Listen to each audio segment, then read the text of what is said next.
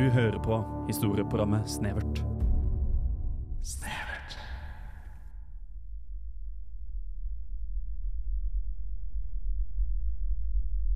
Året er 1951.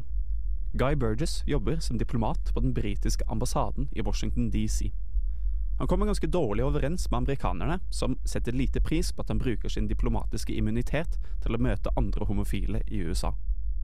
Amerikanerne hadde likt han enda dårligere om de fant ut at han også er en sovjetisk spion. Og akkurat nå har Burgess det sykt travelt. Det brenner skikkelig på dass. Han må komme seg til England og advare sin medspion Donald McLean om at han snart blir oppdaget.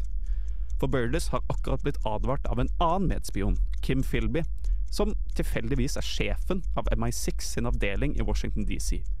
Amerikanerne er på sporet av McLean, og McLean må bli advart. Ting må skje fort nå. Det skjer for fort, faktisk. Burgess, en lite likt mann, får tre fartsbøter på én dag og slår til den siste politimannen som stanser han, i ren frustrasjon. Interessant sjakktrekk. Som diplomat kan han ikke bli arrestert, men sendes heller hjem til England under påskuddet dårlig oppførsel, av da MI6-sjef og sovjetisk alliert Kim Philby. Tilbake i England får Burgess raskt tak i McLean. Han informerer han om at nettet begynner å snøre seg rundt han. Burgess tar nok litt feil. McLean er allerede i nettet.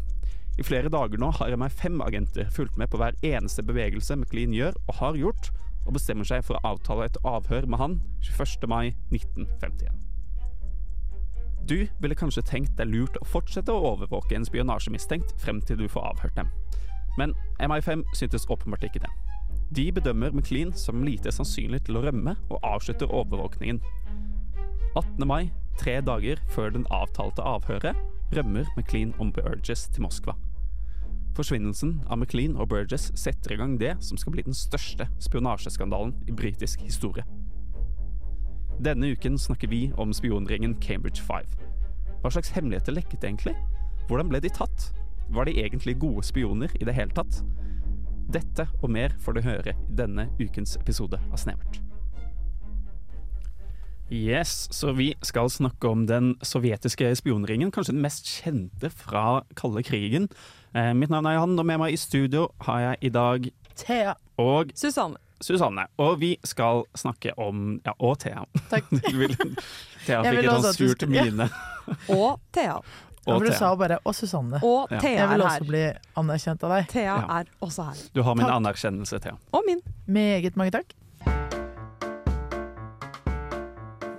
Tatt åtte gram eh, psilocybin, skjønner du. Ja, veldig bra. Snevert.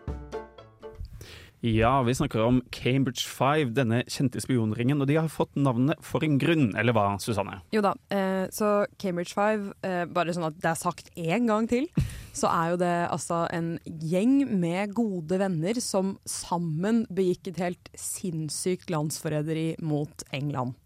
Ved å støtte Sovjetunionen og spionere for dem. Ja. Så eh, hvordan på en måte endte de her? De var jo briter hele gjengen, eller det var én som eh, het Cairn Cross til etternavn. Som var, Karen Cross. ja, si det litt Ja. mer skotsk, han var skotsk. Karen Cross. Ja. Karen Cross. Ja, det var Ker Karen Cross. Karen Cross. Bare Ah. gjør det mer norskt. Ja. Cross. Karen Cross. Ja, så kjern, Kjernkross Um, Kjerncross. Nå har vi det gøy. Så det var da fire briter og en skotte som alle sammen var veldig sånn fiffen, egentlig. Uh, britisk fiff, alle sammen, som uh, hang sammen på Cambridge. Mange av dem møtte hverandre gjennom eh, Cambridge sitt sosialistiske på en måte, hva skal man si, studentparti. Eh, og det, det var jo et sted hvor det var kult å henge, tror jeg. Og da de møttes, var de ca. på vår alder. Det er litt gøy. Så Ja, er som vi skulle vært liksom spioner for da Russland, da. Uh, ja, det er litt sånn at Russland Bortsett fra at vi har ingen meninger og er ikke politisk engasjert. Da. Men uh, hvis Russland hadde trengt noen som kunne snakke i radio, så ja, da kunne det Da hadde vi oss. vært der. Da hadde vi vært der. Ja, så Um, føler jeg kanskje eh, Nei, eller jeg skal ikke forsvare Sovjetunionen, men jeg føler at Russland i dag er liksom kanskje hakket verre, da. hvis det er lov å si. Det er lov å si, Det da. er lov å si. Eh, så den gjengen her da, de, de startet altså som en gjeng med fem glade gutter som var glad i mye av det livet hadde å by på av kvinner, menn og alkohol. Um, og, og gjengen startet med bare på en måte sånn sosialistiske um, ja, overbevisninger, Ja. og endte med å bli snatched av Sovjetunionen og bli med da på en helt uh, sinnssyk spionoperasjon. Og i- i det jeg har på en måte satt meg inn i og lurt litt på, er jo hvorfor. Eh, hvorfor blir man venn med Sovjetunionen når man tross alt har vokst opp som en liten rik kid i Storbritannia? Ja, fordi i hvert fall fire, fire av de i hvert fall kommer jo fra eliten, the establishment i Storbritannia, som man kaller det. Ja, altså ikke langt, ikke langt unna dronning Elisabeth. på Ikke måte. langt unna. Sikkert i familie på et eller annet vis. Så Han ene, de- var jo, jo- han ene var søskenbarn av dronning Elisabeth. Faktisk. Ikke sant. Så uh, gjengen det, En av grunnene som jeg velger å tro er viktig, og som mange sier er viktig, da, det er rett og slett at på den tiden her så er England et veldig snerpete, strengt land. Spesielt når det kommer til, uh, når det kommer til på en måte, seksuell kontroll. Eh, på den tiden her så blir du dømt for sodomi. Eh, og sodomi det var all ligging som ikke foregikk i ekteskap, og en helt, på en spesifikk måte. Eh, så Og jeg selv innenfor ekteskapet. innenfor ekteskapet Du, du har jo han som knakk Enigma-koden. Jeg husker ikke hva han Alan eh, Turing? Alan, Alan Turing, ja. Mm, det var Ja, det. han var homofil. Så mm, han, og han ble jo kjemisk kastrert og tok livet sitt. eh, Etter å ha blitt dømt for homofili. Ja. Så de var ganske strenge. Så vi snakker om en tid hvor det, hvor på en måte det å være homofil er veldig, veldig veldig vanskelig. Eh, og vi har da to homofile og én bifil eh, i denne gruppen på fem menn. Eh, og så har vi også et par heterofile folk, men de også var glad i på en måte å ligge rundt, hvis man kan si det. På dette tidspunktet så er eh, homofili tillatt i Sovjetunionen. Eh, og det er likestilling, og det er seksuell frigjøring, og også sikkert en god del andre kule ting som, som gjør at man kanskje trekkes mer mot på en måte, sosialistiske overbevisninger, da, heller, heller enn snerpete britisk kontroll. Ja, Det gir veldig mening. ja jeg, jeg tror jo på en måte øh, Fordi jeg tror det var mer Jeg tror ikke det var liksom det, det som startet det, men, men at de hadde på en måte denne uh, ideen om hva sosialisme var, og hva liksom uh, på en måte idealet innenfor sosialismen var. Og det er jo et veldig vakkert ideal, på en måte, at liksom likhet for alle og Herregud, øh, ja. alt, det, alt det der. Um, Og, det, så- og en sekulær stat. Og en sekulær stat, ikke minst. Men så i tillegg, da man så på en måte at det var mer eh, fri, frigjort og ja, sekulært i Sovjetunionen, så er jo det også sånn OK, men herregud, da er det jo bare bedre. Jeg skjønner at det er på en måte en mental prosess. At det er sånn, jo, men ting er jo bare bedre. Ja, og så er det jo viktig å huske på at dette var jo ikke da når Stalin var i makten, f.eks. Dette var jo 30-tallet. Eh, hvor eh, Sovjetunionen var noe nytt, noe fremmed og noe spennende. Ikke det her eh, terrorregimet som det skulle vise seg å bli Ja, ikke sant? Så man kunne leve år. Litt i den ideen om hva sånn, Den ideen som de som på en måte lagde Sovjet, prøvde å fronte, sånn, den kjøpte de. Den Mm. kjøpte de. Og det er ikke så rart. Og, ikke sant? Det, jeg tipper at på 30-tallet så hadde jeg også vært kommunist. Jeg skal være helt ærlig. Ja, eller ja. Altså, sånn, du hadde blitt kalt ja. kommunist, da, i hvert fall blitt kalt kommunist. Så, så ja, så denne gjengen startet jo på en måte med hva skal man si, gode hensikter. Eh, og var kanskje litt sånn politisk rock'n'roll.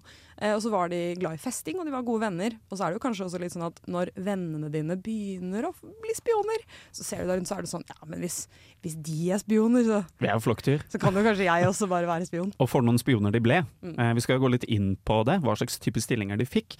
Men aller først så skal vi høre en ny låt. Her kommer Enter the Deep med Glassmanet. Oi, oi.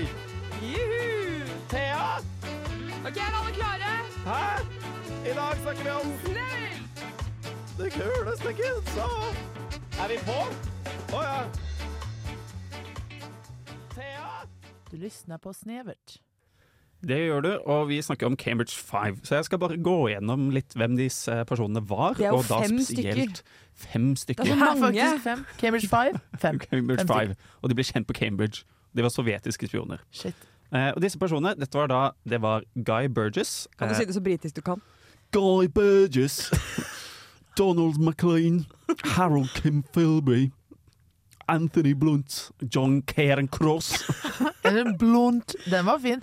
Jeg Blunt. forventet at du skulle si sånn uh, Kim Felbay, ikke Kim Felbay. Du kom på en måte umiddelbart fra en kullgruve i Liverpool. Hvis Ja, men jeg gikk litt sånn for Hvis jeg var skaus, skaus Guy Burgess!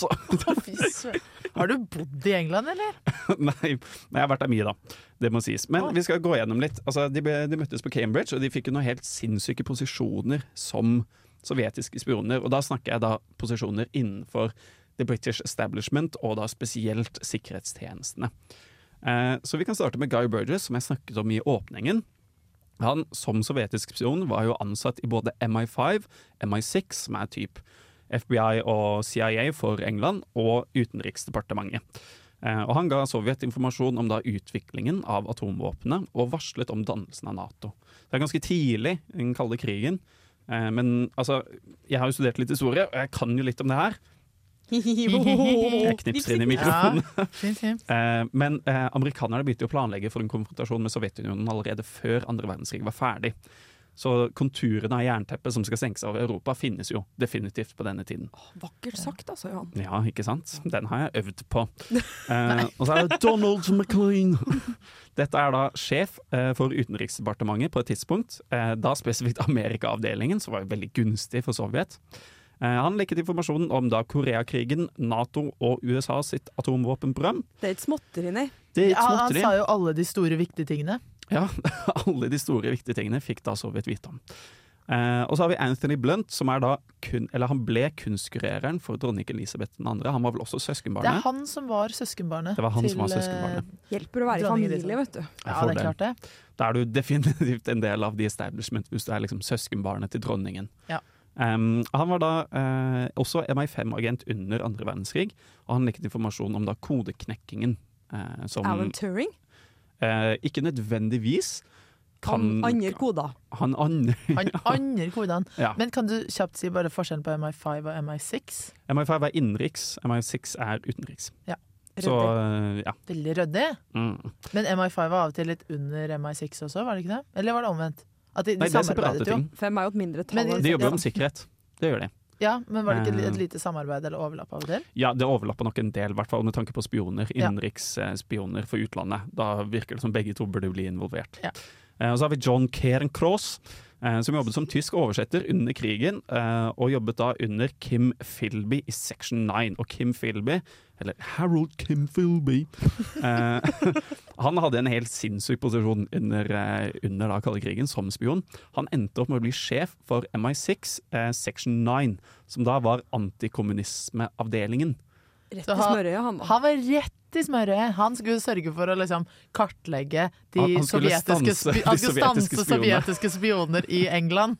Og så Så- sitter han der og er sånn, gnir seg i hendene. Altså Juri Modin, som var da hans, eh, hans sjef i Sovjet. Jo, Juri, Si det Juri Modin. Si det på sånn kullgruve-liverpulsk. Juri Modin! Eh, han fikk jo da masse info om alle tiltakene som Storbritannia hadde tenkt til å gå inn med. da. Stakkars Storbritannia, herregud. Nei, vet du hva? Jeg, det, altså, det var jo bare deres egen feil. Ja, så vi jeg og- så de establishment, og hvor utrolig corny de var på det, og sa sånn Det var dritslapt, men det snakker vi kanskje mer om senere. Eh, nei, vi kan spare det litt kan spare det litt.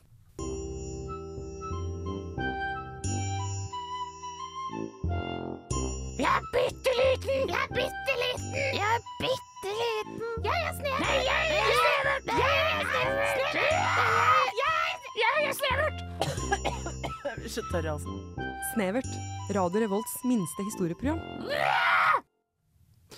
Hvor flinke var egentlig disse spionene? Det spurte du om i introen, i den vakre introen du har laget. Jo, takk. Eh, hvor flinke de var? Ja, altså det, eh, ut fra det vi har sagt nå, så har vi jo fem dudes som har klatret til det høyeste hold i britisk etterretningstjeneste. Og det høres veldig imponerende ut. Men eh, går man inn på noen av dem, så er det på en måte Det viser seg at de har jo brukt metoder som vi ikke tradisjonelt sett ser på som spesielt flinke. Eh, og da vil jeg gjerne trekke fram spesielt én fyr, og det er han Guy Burgess. The Outsider. The Outsider. Han, han var fra Devonport, som jeg føler er et eh, flott sted. Eh, men oppførte seg ikke alltid så pent. Det var jo han som du nevnte i introen, bl.a. fyllekjørte og kjørte altfor fort veldig mye av tida si da han var diplomat i Amerika. Han var da eh, Guy Burgess. Han var en først og fremst mega-alkoholiker.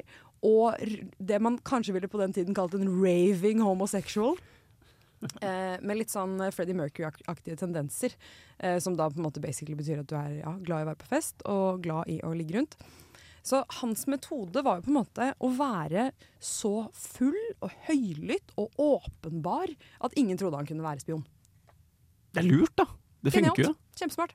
Så han skal blant annet da, ha sagt jeg kan gjerne ligge med en, en hvilken som helst mann mellom eh, 17 og 75.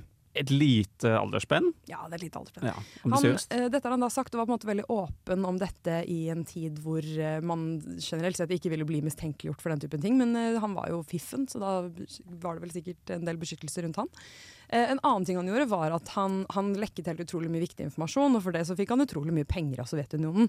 Så, eh, så diskré som han var, så brukte han alle disse pengene på å kjøpe seg en knall gull eh, Rolls-Royce med to seter. Så det kjørte han rundt i. Og jeg må si, Fins det noe mer oligarkaktig enn å kjøpe seg en sånn bil?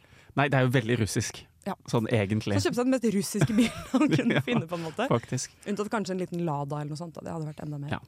Men eh, ja, nei, så hvor flinke de var eh, Det viser seg noen ganger at det på en måte å gjemme seg i eh, hide in plain sight kanskje er det lureste, da. Ja. Så være b veldig mye full og veldig bråkete, det var det som lønte seg for Guy Burgess. Ja. Weaponized incompetence, kan man nesten kalle det. Ja, det var godt sagt. Ja, lurer de til å tro han er inkompetent. Eh, Eh, ja. ok. Snevert. Snevert. Du hører på Snevert.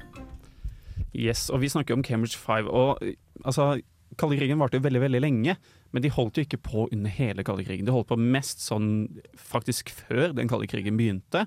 Eh, og litt sånn ut på midten av 50-tallet, vil du ikke si det, Thea?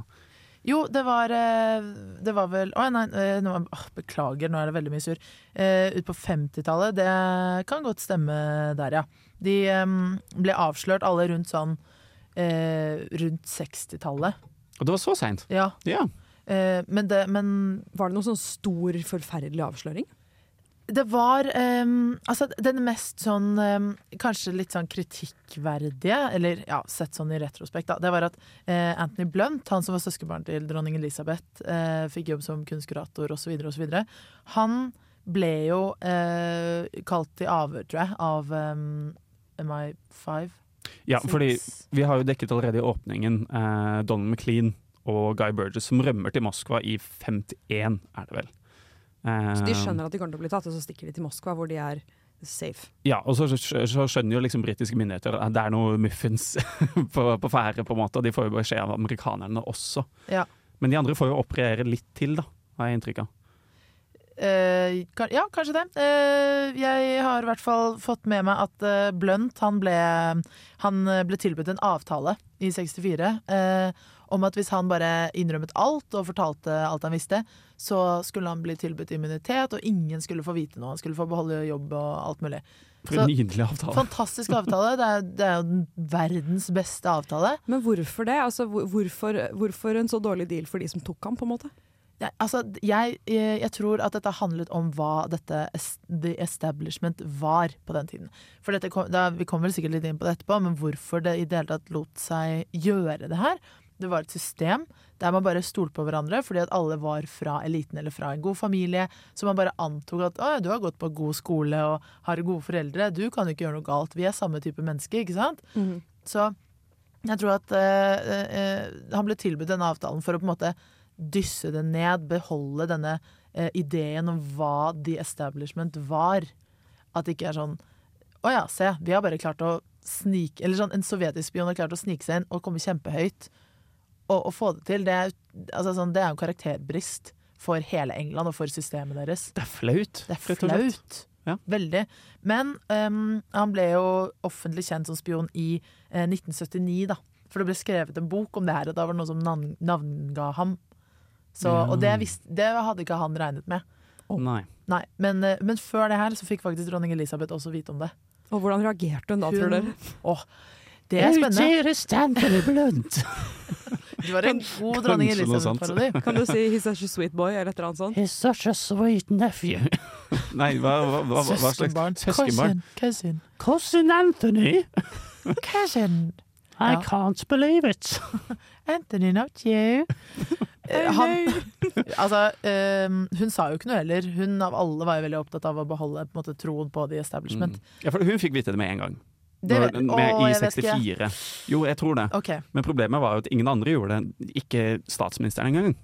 Nei. Så det var først når den boka andre. kom i ettertid, at uh, Margaret Thatcher måtte gå ut og si sånn Ja, nå har det seg sånn at han har vært spion for 15 år siden han fikk lov til å jobbe. Ikke sant? Eh, og så var det på en måte den mest sånn stakkarslige, da, som var Kim Philby, som eh, etter på en måte all, alle andre avsløringer, så ble han selvfølgelig litt mistenkt, og så, men så var jo på en måte de rundt ham eh, som jobbet med ham, var sånn uh, utrolig krenket og fornærmet over at han kunne i det hele tatt bli stilt i denne posisjonen. Hvordan kunne man tro at Kim Philby var spion? He's so very rich! He's so very fucking rich, og han har riktige venner, og så videre. Men så ble det litt sånn at ok, vi kan ikke ha dette her eh, Vi kan ikke ha deg i en så høy posisjon, det, er, ikk- det ser ikke bra ut. Så han ble på en måte avsatt. Eh, Så begynte han å jobbe som journalist igjen, og mm, ble stasjonert i L- Beirut? Beirut Mm. ja. Eh, og der eh, kom vel hans gamle arbeidsgiver Nicholas Elliot ned. Eh, og da klarte han å lure ut en liten innrømmelse fra Kim Philby, som hadde på en måte mistet alt. Fordi han ikke var av verdi for Sovjet lenger, så hadde han mistet all på en måte beskyttelse og, og liksom kameratskap. Så han var jo liksom døddrukken og hadde det ikke noe bra, egentlig. Så han innrømmet det. Senere var det sovjetiske avhoppere som også bekreftet det her. Så det var bare sånn ja, stakkarslig, det var stusslig, det var ikke noe sånn Det var, det var nedrig. Jeg ser for Mm. meg en kjip samtale i en bar i Beirut. Ja. Ja, sånn sliten pub. Ja, sånn du eh, Jeg må spørre. Jo, var du spion, eller? Og så sier han ja. Ja, var ja, han ble jo hyllet av Sovjet etter han døde, da. Ja, fordi først så ble han liksom fordømt, eller ikke fordømt, men han ble liksom ignorert av Sovjet. Og så, etter at han døde, så ble han hyllet. Ja, for de var jo litt sånn skeptiske. Han var så innmari god spion for dem at kanskje han kunne være en enda bedre spion for Storbritannia igjen. Og det En er helt ærlig en lur tanke. Ja, jeg, jeg skjønner det, Og da skjønner jeg, altså sånn, Sovjet de var pragmatiske i det her, skal sies. Um, akkurat det fikk de på en måte til. De var sånn Vi har masse hull i systemet, vi utnytter dem, og vi skjønner også at dette kan bli brukt mot oss, så vi kan ikke ta den sjansen. Nei. Ja. Men John Cairn- Ca- Cairncross Cairncross han kom også med en innrømmelse i 1964, samme år som Ja, med denne boka, kanskje? Eh, Det, eh, akkurat hans innrømmelse var ikke Nei, fordi den boken kom i 79. Ja, det var boka som kom i Ja. 70. Ja. Men Eh, alle ble tatt rundt sånn 64, da. Ja, jeg tror det på en måte var da liksom korthuset falt litt sammen. Ja. Ja, altså, Eh, John Cairncross jobba jo under Kim Philby også, så da var det kanskje ikke så vanskelig å trekke de konklusjonene da. Nei, ikke sant. Eh, og han, men han ble faktisk tilbudt immunitet, han også. Og fikk jobbe som en litteraturprofessor. Ja, Ja. ikke sant. Så, Så det gikk egentlig ganske bra med alle disse spionene, da. gikk egentlig bra. Ja. Men i 79 så innrømmet han det selv til en journalist. Kan du si det på skotsk? It was me. It oss me. Flott. ok. Jeg, jeg Jeg har, was en sånn, jeg har en sånn greie som er at jeg, uh, jeg klarer ikke å snakke skotsk. Sånn at jeg får sånn herre Dere vet når noen kunne et sånn triks i barnehagen som du bare ikke, kunne, ikke fikk til? Ja. Jeg har det sånn når dere snakker skotsk. Er det sånn du har så lyst til å få det til? Du vil prøve. Ja. Skal leve gjennom hos andre. Jeg har så veldig, det er derfor jeg ber dere om det hele tiden. Og kan jeg bare eh, Thea, Ja. eh, kan, kan du ta et sitat av Cairncross for meg, vær så snill? Jeg har det her på telefonen. Er det, ja. det er, dette er noe han ha- John John Cross han, Hva sa du? Dette er noe han sier til Alan Turing. Ja, ikke sant. Eh, hello. Hi, I'm John Cairncross. OK, nå har vi den. You're not quite as much of an enigma as you think you are. Å, det er så bra! Og jeg må få på litt bask. Kanskje Johan han mot han. You're not quite Nei, nå gikk jeg inn med for mye For mye schwung. You're not. You're not. You're not a wizard, Harry. Ja, You're a dette er en-. Er nå gammel snevertvits som er 'Jere bombeklott' her.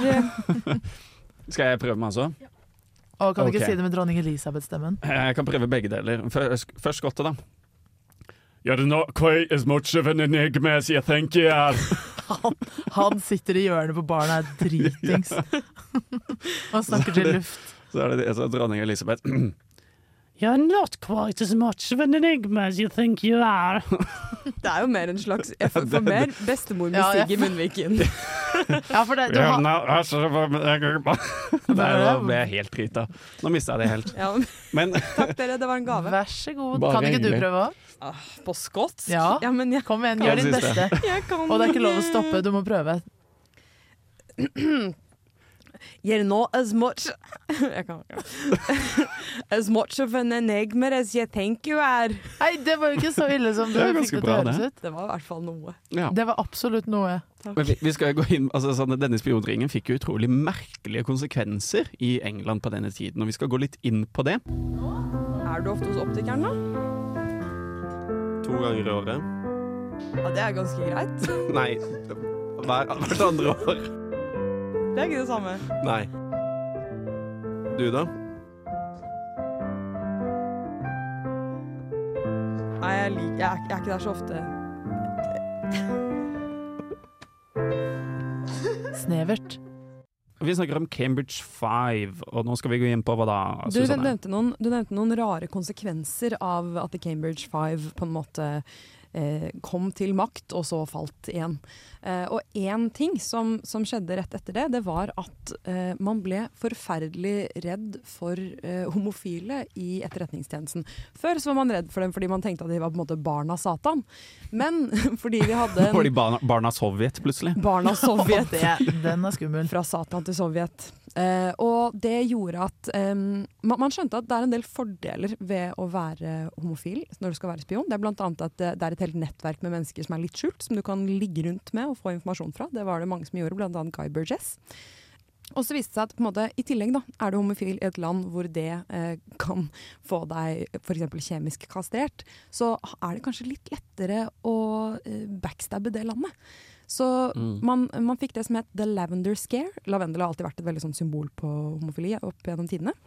Eh, så man ble fryktelig redd for eh, Ja, man blir redd for homofile, rett og slett. På en helt annen måte enn På en ny måte. Og det var kanskje Det var fordi du så dette er en, dette er en eh, Ja, men det var på en ny måte enn før. eller man ble ikke redd ved å bare ja. Du, du er ikke bare redd for legningen, du er redd for hva de er kapable til også Ja. nå. ja, for du så liksom ikke ned Det er ikke sånn der altså, dumt å være homofil, du er barn av Satan. Det var sånn shit, du kan, du kan velte landet. Hva Ja. vet han? Slutt å, slutt å gjøre ting. Ja, men her hadde vi tre skeive menn, menn og to heteromenn som på en måte ja, veltet landet. ikke sant? Eh, og da skjønte man herregud, dette er en kapabel gruppe folk, og vi skal være litt redd for dem. Og det, jeg støtter jo selvfølgelig ikke å være redd for dem, men jeg støtter å anerkjenne at homofile kan ha gode etterretningsevner.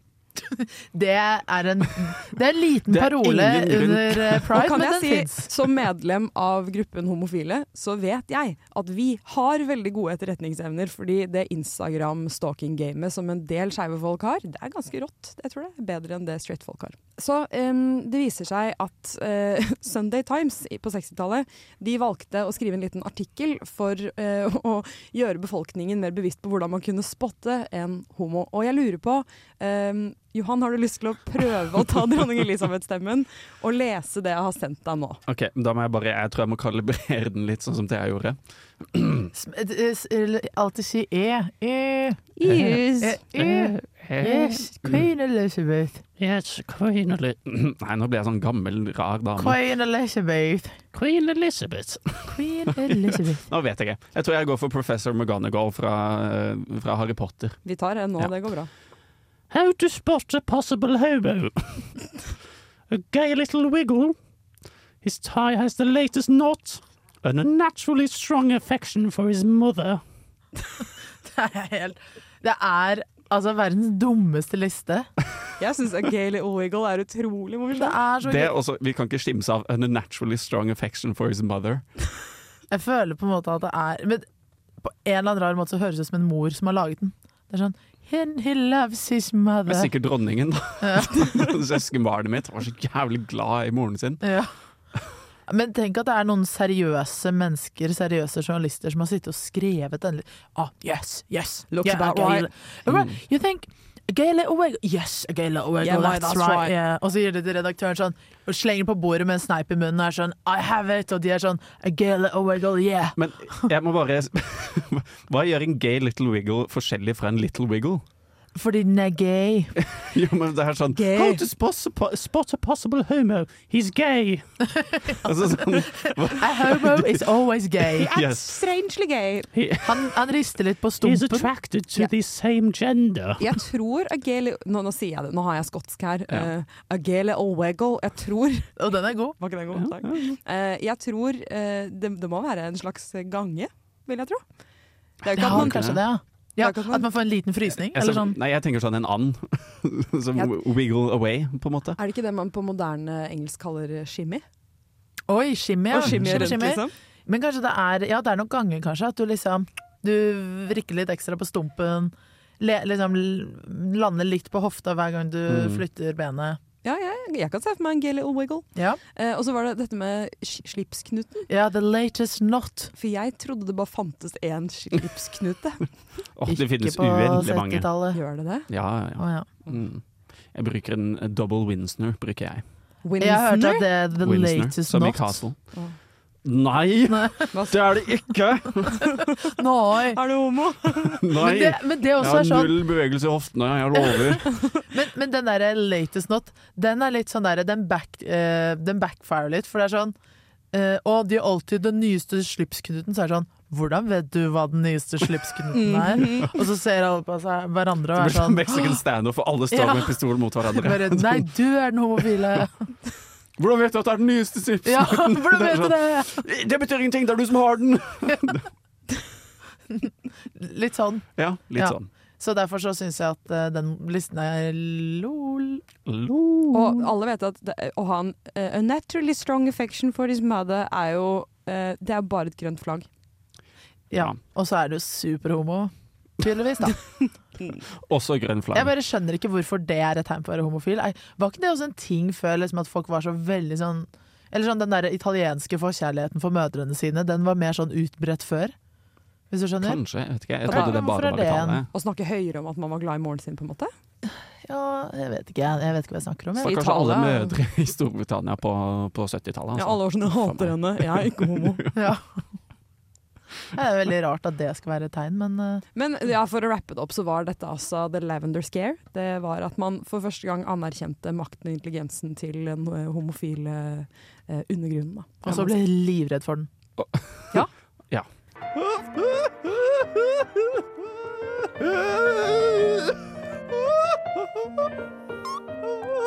Jeg må hjem.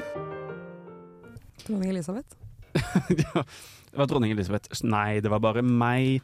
Vi snakker om Cambridge Five uh, og denne spionringen. Og uh, altså Vet du hva? Jeg hadde blitt ganske paranoid om jeg fant ut at alle sjefene i sikkerhetsdepartementet mitt var sovjetiske spioner. Ja, den, er- det er jo en smell. Ja, og ekstrem paranoia det eh, legger jo liksom grunnlaget for ganske ekstreme tiltak for å prøve å få en liten sånn fordel overfor fienden sin, som da var Sovjet. Og USA spesielt holdt på, holdt på, holdt jo på med med utrolig mye merkelige ting Ja. som de eksperimenterte med. Blant annet da um, Hva heter det? Synskhet. Synskhet. Ja. Ja. Eller Mm. sånn medium og sånn.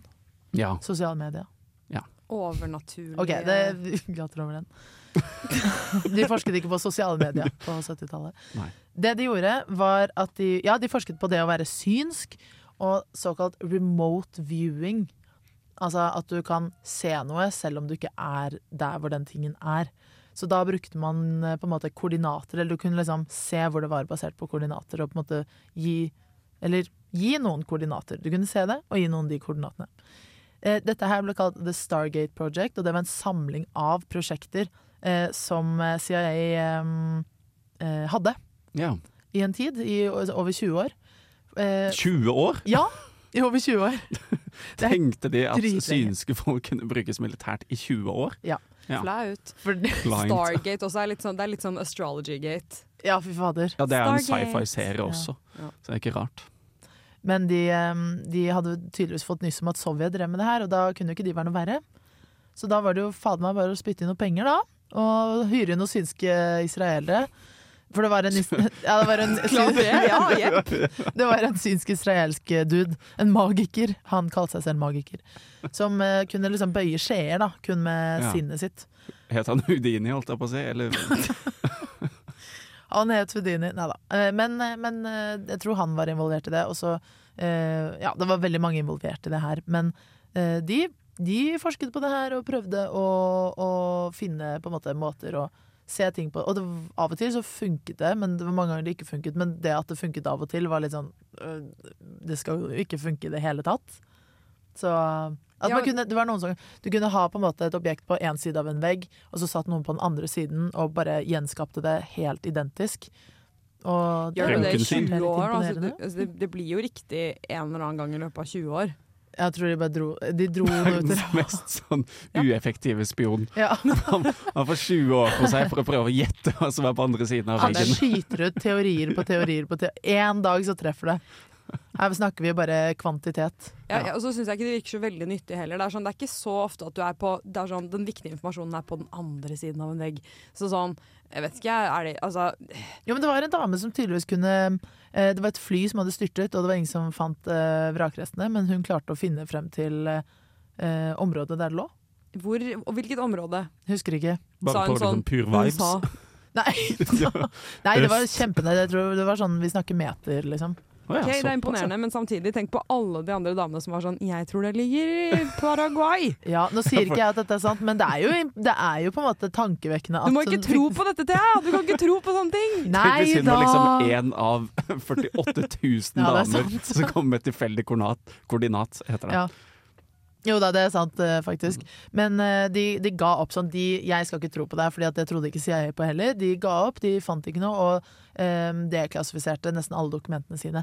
Og ved å gjøre det, så tyder det på at de ikke fant så veldig mye. Hvis ikke hadde de villet holde den informasjonen skjult i dag. Det er et godt poeng. Ja, det er sant. Så, Det er jo de Take that, conspiracy theorists. ja, boom. Mm. Nei, de holdt jo på med veldig mye rart, faktisk. Du, du har det som kalles psyops, eh, som er jo disse her eh, operasjonene for å liksom svekke fiendens moral.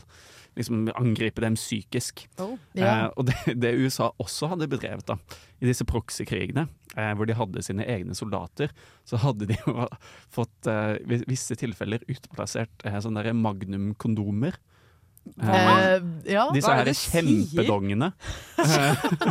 ikke kall det det, da. Ja. Gigadong! Gigadongsene. Ah, for et ubehagelig ord! Men de satte der, og så bevisst, når de trakk seg, trakk seg tilbake, så lot de de bli liggende, sånn at fienden skulle finne de og tenke 'herregud, De har de har kjempestore peniser'. Å, for faen. Min er jo bitte liten. det verste er at det sikkert funket litt òg. Det er så dust at det må gå, hvis du skjønner. For en Så dust. Tenk at noen har sittet i et møte og vært sånn OK, fellas, today we're gonna talk about the condoms. og så har de vært sånn What if we make them like really huge? Ladies and gentlemen, I present to you Operation Gigadong. Operation Gigadong. Assemble. Det ingen som sånn, ja, jeg, jeg er sånn der etterretningsagent. Ja, har du gjort noe kult da? Nei. Har du hørt om Project Gigadong? Well, that, That was, was me. me. That was me. Ja, Og så er det sånn, hæ? Hva er dette for noe? Nei, Ja. ehm, nerd. Vi har vel egentlig tatt for oss det meste nå, har vi ikke det? Jeg syns Project Gigadong er et fint sted å ende. Ja. Det Fint jeg sted å også. ende. Ja, fra Cambridge Five til Gigadong. Ja. Alt i alt, er vi Ja. fan av dem? Det lurer jeg på. Jeg er litt fan av dem, fordi de liksom sier litt fuck you til the establishment, da. Ja, det er det. De er litt rebelske, og det liker jeg. Ja. Mm. Og så er det liksom Det, det ble kun krise. Kun på grunn av Storbritannia. Sånn faktisk. Og deres liksom arroganse. Ja. Så sånn sett så syns jeg det er litt gøy. Ja, sånn de, de utnyttet på en måte bare veldig åpne hull som lå der. Mm. Mm. Ja. Hva tenker du, Susanne? Ikke at det er bra, da, men Nei, Nei, altså nei. eh, Nei, det Folk eh, Altså, de, de, de snitchet jo på folk eh, hvor det faktisk på en måte gikk litt gærent og sånn, men, men jeg syns at de, de var stilige. Eh, Det finnes mye kule bilder av dem. De var gode til å, de var gode til å drikke alkohol og røyke, og det syns jeg også kle- kler folk fra den tiden. Ja. Um, så nei, eh, jeg er på en måte fan. Jeg føler de ivaretok på en måte festkulturen fra sine dager på Cambridge, og så bare ja, eh, var hva skal man si, livets glade liv, Sovjets glade gutter. Ja, nei. Og så da neste sending, hva er det vi går inn på da? Da skal vi langt tilbake i tid, faktisk. langt tilbake. Vi skal tilbake til eh, 1400-1500-tallet. Til Firenze. Til Firenze. Firenze i Ikke Italia. sånn man sier det i det hele tatt. Firenze! Susanne, og jeg har bodd i Italia. Ja, men Firenze! Vi skal Ja. ikke til Firenze! Vi skal til Firenze. Ja, Ja. takk. Og der skal vi møte en uh, en kjempefamilie kalt Medici. Det blir spennende. Det blir spennende. Perfetto! Perfetto, spaghetti. Men nå skal vi høre låt.